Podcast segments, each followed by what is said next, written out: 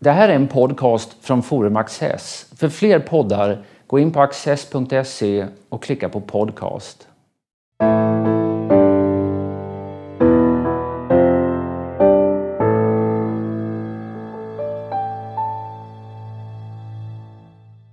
Välkomna till Studio Access. Vi står för inför ett nytt riksdagsår här och eh, ska ta oss en titt på det politiska landskapet. Det gör vi tillsammans med Peter Santesson som är analyschef på opinionsundersökningsföretaget eh, Demoskop. Eh, du är också filosofidoktor i statsvetenskap. Mm. Det är en lite speciell situation. Om vi börjar med det stora regeringspartiet Socialdemokraterna så ligger de runt 25 procent i, i de olika mätningarna. Det var vad Håkan Juholt hade när det gick som sämst. Det går inget vidare för Stefan Löfven. Nej, det här året har ju varit verkligen en besvikelse för honom. Uh, skillnaden är väl möjligen att Socialdemokraterna de har liksom en sån här långsam, pysande punktering här. De har inte riktigt haft den här stora dramatiken som var under Juholt med störtdykningen. Men, mm. men trenden är, är bedrövlig för dem. Visst är det så? Är det bara det faktum att de har regeringsmakten som gör att det inte är mer liv om, om det här? Alltså, eh, ja, det är väl två frågor. Det ena är varför, ingen, varför man inte diskuterar så mycket, men sen vad, vad beror det här på? Och, eh, det, Socialdemokraterna är ju ett av de två partier som blöder mycket nu till, eh, till Sverigedemokraterna. Eh, det har växlat lite vilka som tappar mest, men frågan är om det inte är Socialdemokraterna ändå som, som är de som har det största liksom, SD-problemet på det sättet nu.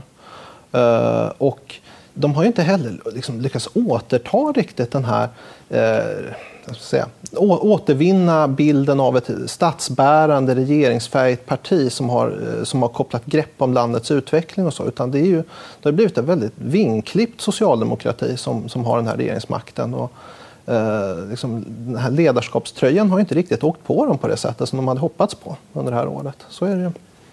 Man kan ju också se på Löfvens eh, rent personliga eh, förtroendesiffror. Det, det, finns ju flera institut som mäter det här. Men han, ja, i, den senast publicerade undersökningen så låg han till och med lägre än vad eh, Annie Lööf då, som leder ett 6-7 procents parti, de förtroendesiffror hon hade. Och, och halva nivån jämfört med vad Fredrik Reinfeldt hade vid motsvarande period. Ja, vad, vad beror det här på? Och det, här, det, det, är två saker det här tycker jag. För det ena är det är väldigt lågt för att, att liksom, eh, det, det, är låga siffror för en socialdemokratisk partiledare. Men det andra är också det är låga siffror för att vara en statsminister. Alltså vi har en situation där Sverige lite grann är i ett, alltså, det hade ju att ta i ett ledarlöst läge, men det finns, det finns, ingen politisk, det finns inget politiskt ledarskap som samlar brett överhuvudtaget. Utan det är, det, det är låga förtroendenivåer generellt och en liksom frapperande låg högsta nivå eh, på, på partiledaren. Men Löfven är ju, eh, jag skulle säga, han, han är ju liksom en, en politiskt parlamentariskt som blivit väldigt svag och vinklippt av decemberöverenskommelsen. Eh, alltså först fick han ett parlamentariskt mardrömsläge, men det har inte löst sig genom decemberöverenskommelsen. Därför att den, liksom, den, den listiga bieffekten så, som, som är det som attraherar alliansen i den här överenskommelsen, det är ju att Löfven drivs, drivs åt vänster. Han ville leda en mittenregering som skulle kunna göra ganska många stora uppgörelser över blockgränsen, den här samarbetsregeringen. Mm. Decemberöverenskommelsen har i praktiken på många sätt cementerat blockgränsen. Och nu tvingas han då att göra upp med, med Vänsterpartiet i större utsträckning. Vänsterpartiet har fått ett större inflytande än vad han hade tänkt sig. Och eh, jag tror också att den här koalitionen med Miljöpartiet har gått, eh, det har blivit en, en eh, skakigare resa än, äh, än, vad de hade räknat med. Så att han, eh, Löfven har inte förutsättningar att föra riktigt den politik han skulle vilja föra.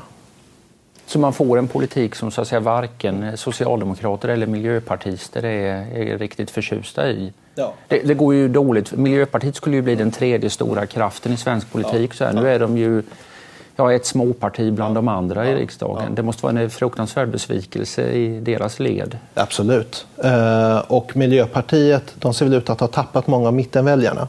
De hade ganska höga siffror inför riksdagsvalet därför att då fanns det Miljöpartiet då uppfattades ju mer, som mer av ett mittenparti och som ett, eh, ska man säga, ett socialliberalt alternativ för eh, alliansväljare som låg ganska nära Socialdemokraterna men som inte var riktigt nöjda med den profil som, som Reinfeldt hade haft. Och då, då var liksom Miljöpartiet ett, ett, ett ställe att gå till.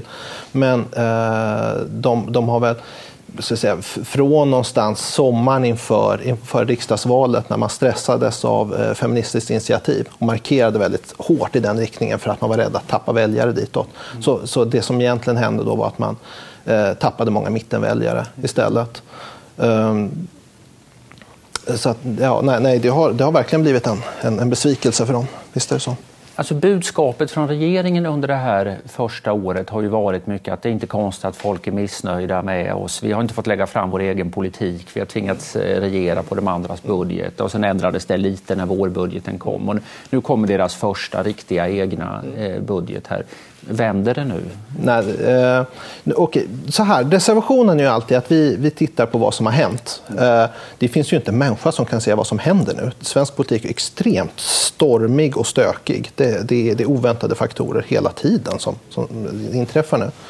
Men eh, jag skulle säga att det är inte mycket som talar för någon, någon, någon stor vändning på det där sättet. Därför att eh, regeringen är ju ekonomiskt väldigt pressad.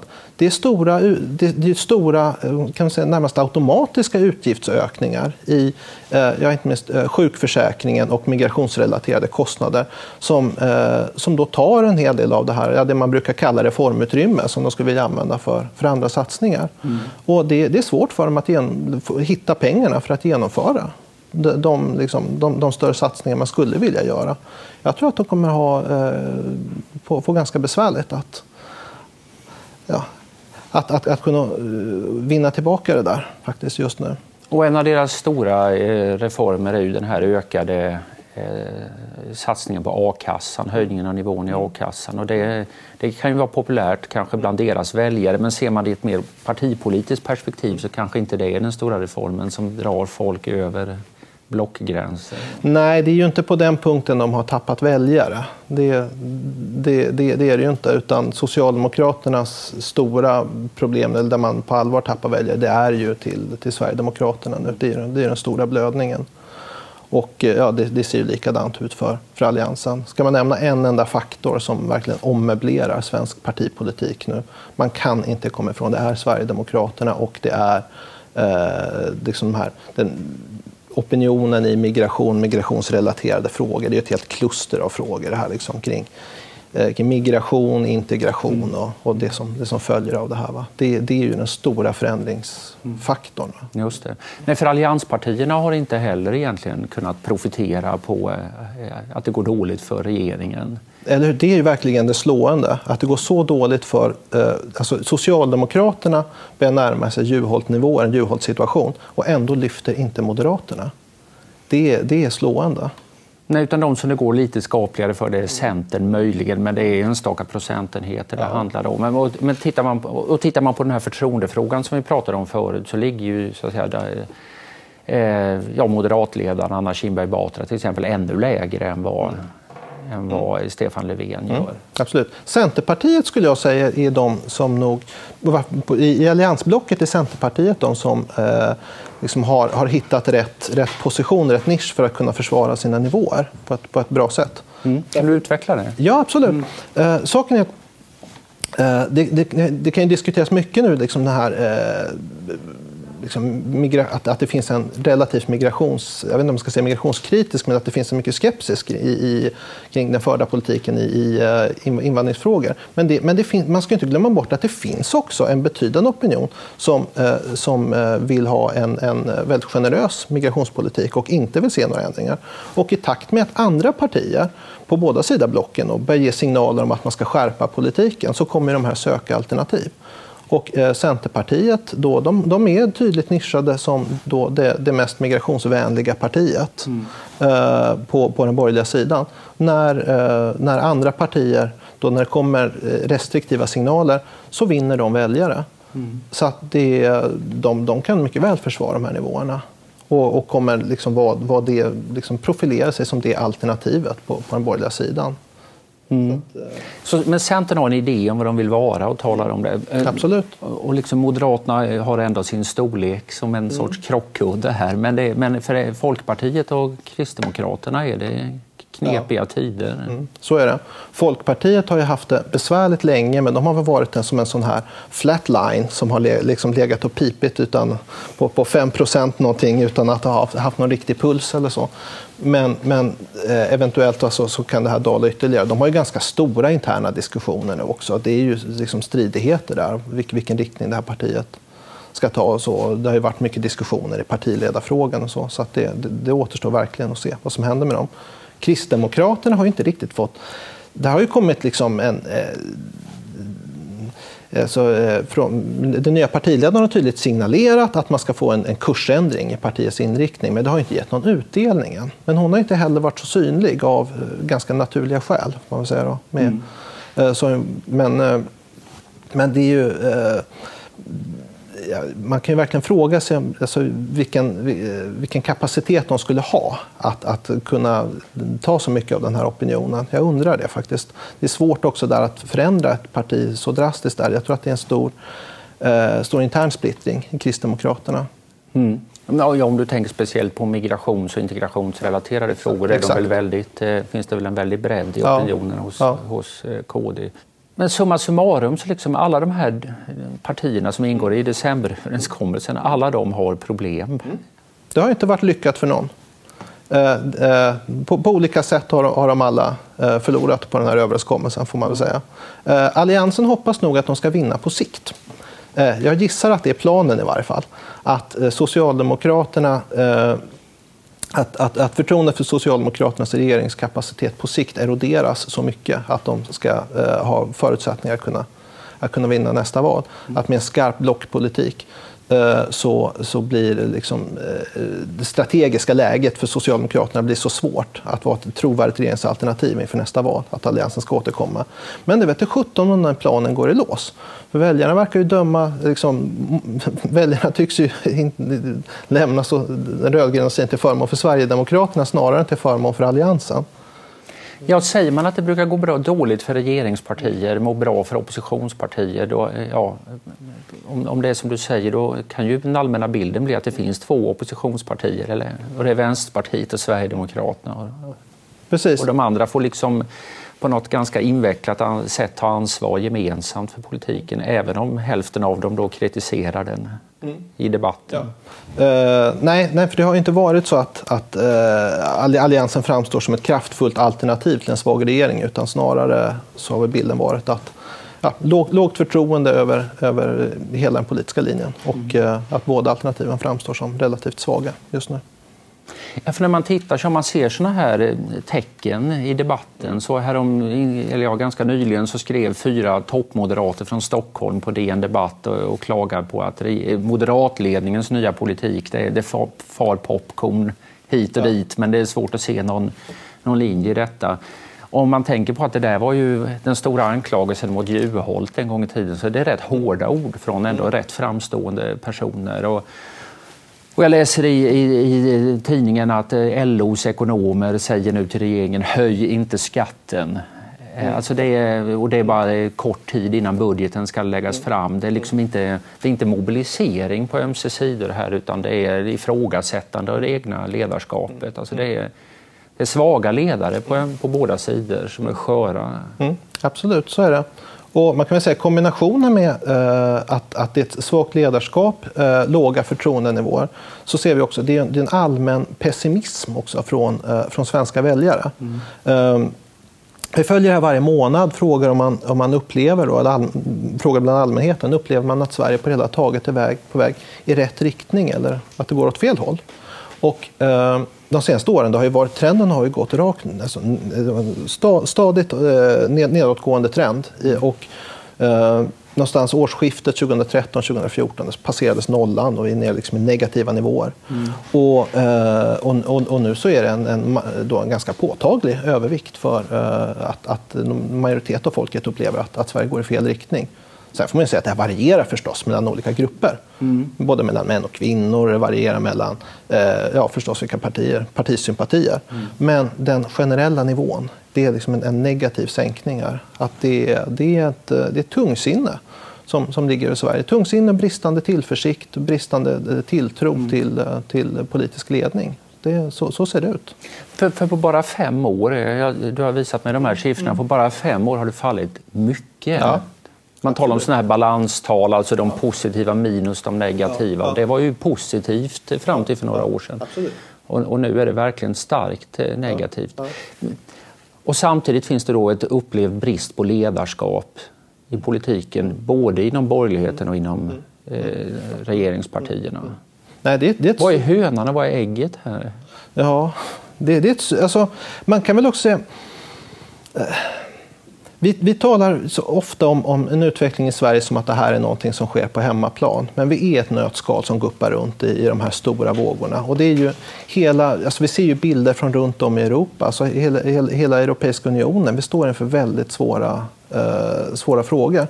Eh, och Dels, vi, vi har eh, säkerhetspolitiska hot som ligger runt hela Europa som jag tror påverkar stämningsläget mycket. Och eh, det, eh, de här migrationsrelaterade frågorna ställer moraliska, sociala, ekonomiska frågor på sin spets. Som är, så det, är väldigt, det, det, så det är olika dilemman hur vi ska ta ställning här. Där, där, vi måste, där det är o, eh, olika värden som står i konflikt med varandra. Och där jag tror att det är svårt för politiska ledare nu. Man har väl inte, antingen inte modet eller kraften att våga liksom ge en tydlig riktning. Utan man vrider sig inför sådana här dilemman. Vill säga vi ska både och. Va? Vi ska ha, både ha liksom omfattande trygghetssystem, slå vakt om en öppenhet eh, och att det finns värdekonflikter här som är eh, alltså mycket prekära och svåra att navigera i men som man vill, vill försöka runda på olika sätt.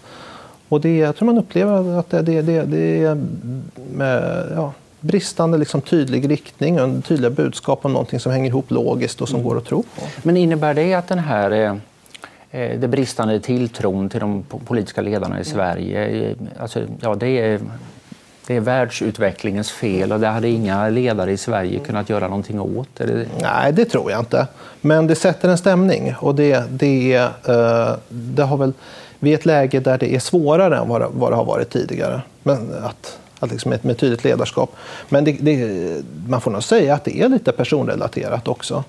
Uh, alltså, Reinfeldt var en, en uh, alltså, ut, utomordentligt uppskattad politisk ledare faktiskt. Uh, även om det avtog på slutet så får man säga att han, han, han var en väldigt framgångsrik ledare som kunde samla brett. Och även så långt utanför det egna partiet och de egna sympatisörerna. Och eh, just nu så saknar vi det. Mm. Det kanske är lite bleka figurer. Mm. Och även Löfvens siffror var väl i sanningens namn mycket bättre eh, efter, nära in på att han hade tillträtt. Mm. Där är väl också, det är lättare kanske, eh, där handlar det mycket om förhoppningar. Mm. Eh, förstås. Det är på samma sätt som vi ser att eh, siffror ökar gärna när folk inte är eh, alltså, personer som i någon mening är frånvarande från svensk politik kan få ganska höga siffror. Och när det sen är dags att komma ut på isen så dalar de här.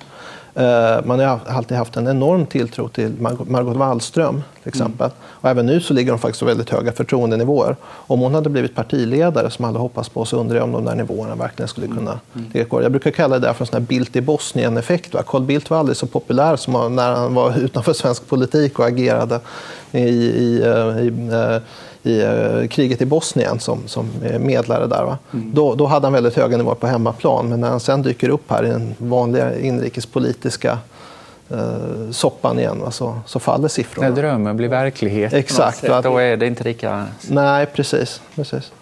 Det är klart att det här när man tittar på pessimismen som du säger eh, och, och den, om, vi, om vi tar ett, eh, en lite längre, det rör ju sig väldigt fort i, i i det dagliga stämningsläget när det gäller frågor som har just med migration och eh, invandring göra. Det har vi kunnat se alldeles, alldeles nyligen här.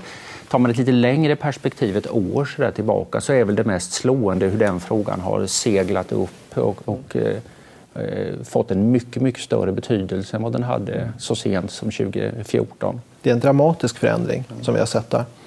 Eh, tittar man på eh, situationen inför riksdagsvalet så var inte migrationen toppfrågan. Utan det här var ett val som i stor utsträckning handlade om jobb och välfärd. Mm. Uh, och uh, ja, inte minst har skolfrågan varit väldigt stor sen, uh, sen PISA-mätningen och så. Och det, liksom, det präglade mm. första halvan och större delen alltså av, av 2014. Men från slutet av 2014, från årsskiftet där, så har migrationsfrågan den har verkligen tagit liksom ett, ett språng uppåt. Uh, och sedan från sommaren och framåt så, så ökar den brant i i våra mätningar. Det är en dramatisk förändring, mm. måste jag säga. Och eh, vad drivs det, det, här av? Alltså det, eh, jag tror det, alltså det har varit det, man kan kalla det en serie av ganska dramatiska händelser. Inte minst under sommaren här. Och sedan så är det, jag tror att eh, det som lyfter upp migrationsfrågan på agendan här, det är tre eh, egentligen, åtminstone delvis, separata problemområden men som, som blir som en sån perfekt storm, liksom ett kluster. För vi har, eh, vi har de, alla de här praktiska problemen kring eh, asylmottagandet i Sverige och situationen ute i kommunerna där, mm. som, som det rapporteras ganska mycket om. Eh, sedan så har vi situationen med då, eh, det här ökade gatutiggeriet och hur eh, gatubilden har förändrats. Eh, det är en ganska påtaglig förändring och det har ju också hänt rätt mycket där. Mm. Senaste året. Och sedan jihadresorna. Uh, och uh, överhuvudtaget situationen kring Isis och, och uh, det, det, då, ja, resor från Sverige dit. Och det, här, det är tre separata områden men alltihopa sammanfaller i tid och det ger en känsla av att, att det här är liksom ett, ett större problemområde som, som inte riktigt ja, den politiska ledningen har kontroll över. Mm. Eh, så jag tror att det, det, här, det har drivit upp frågorna väldigt högt på, på dagordningen. Och man ser ju då eh, när man mäter pessimism och kontra optimism, är det inte så att de som nu eh, har gått... Eh, Sverigedemokraterna noterar ungefär dubbelt så högt opinionsstöd efter sommaren 2015 som efter sommaren 2014 att det är, är inte deras väljare också de mest pessimistiska? Ja, absolut. De ser nattsvart på det. Men även sverigedemokratiska väljare är mer pessimistiska än vad de har varit tidigare.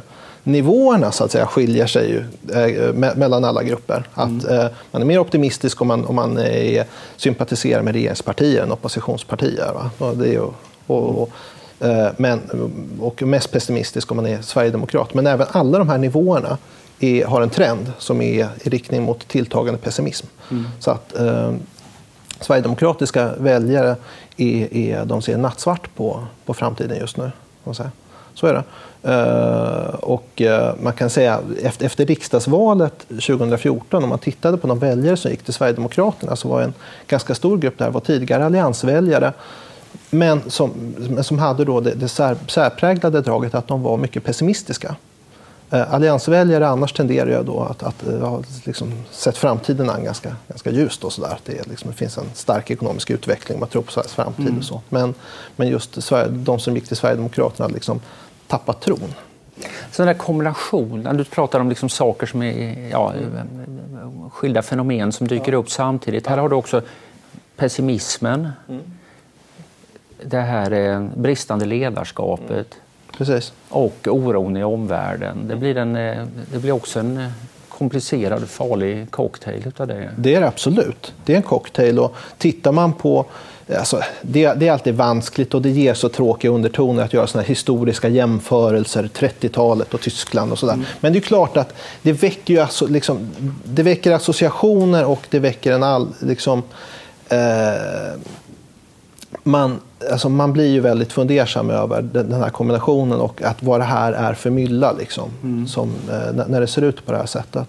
Mm. Uh, och den här, alltså, jag tror en känsla av att vi står inför ganska allvarliga frågor som ingen riktigt kan ge svar på hur, hur, hur vi ska hantera. Mm. För det är också, migrationsfrågan är ju väldigt svår. Det är ju ett genuint dilemma förstås. Va? som är där, där, där en, en lång rad värden och et, liksom, moraliska värden står i konflikt med varandra.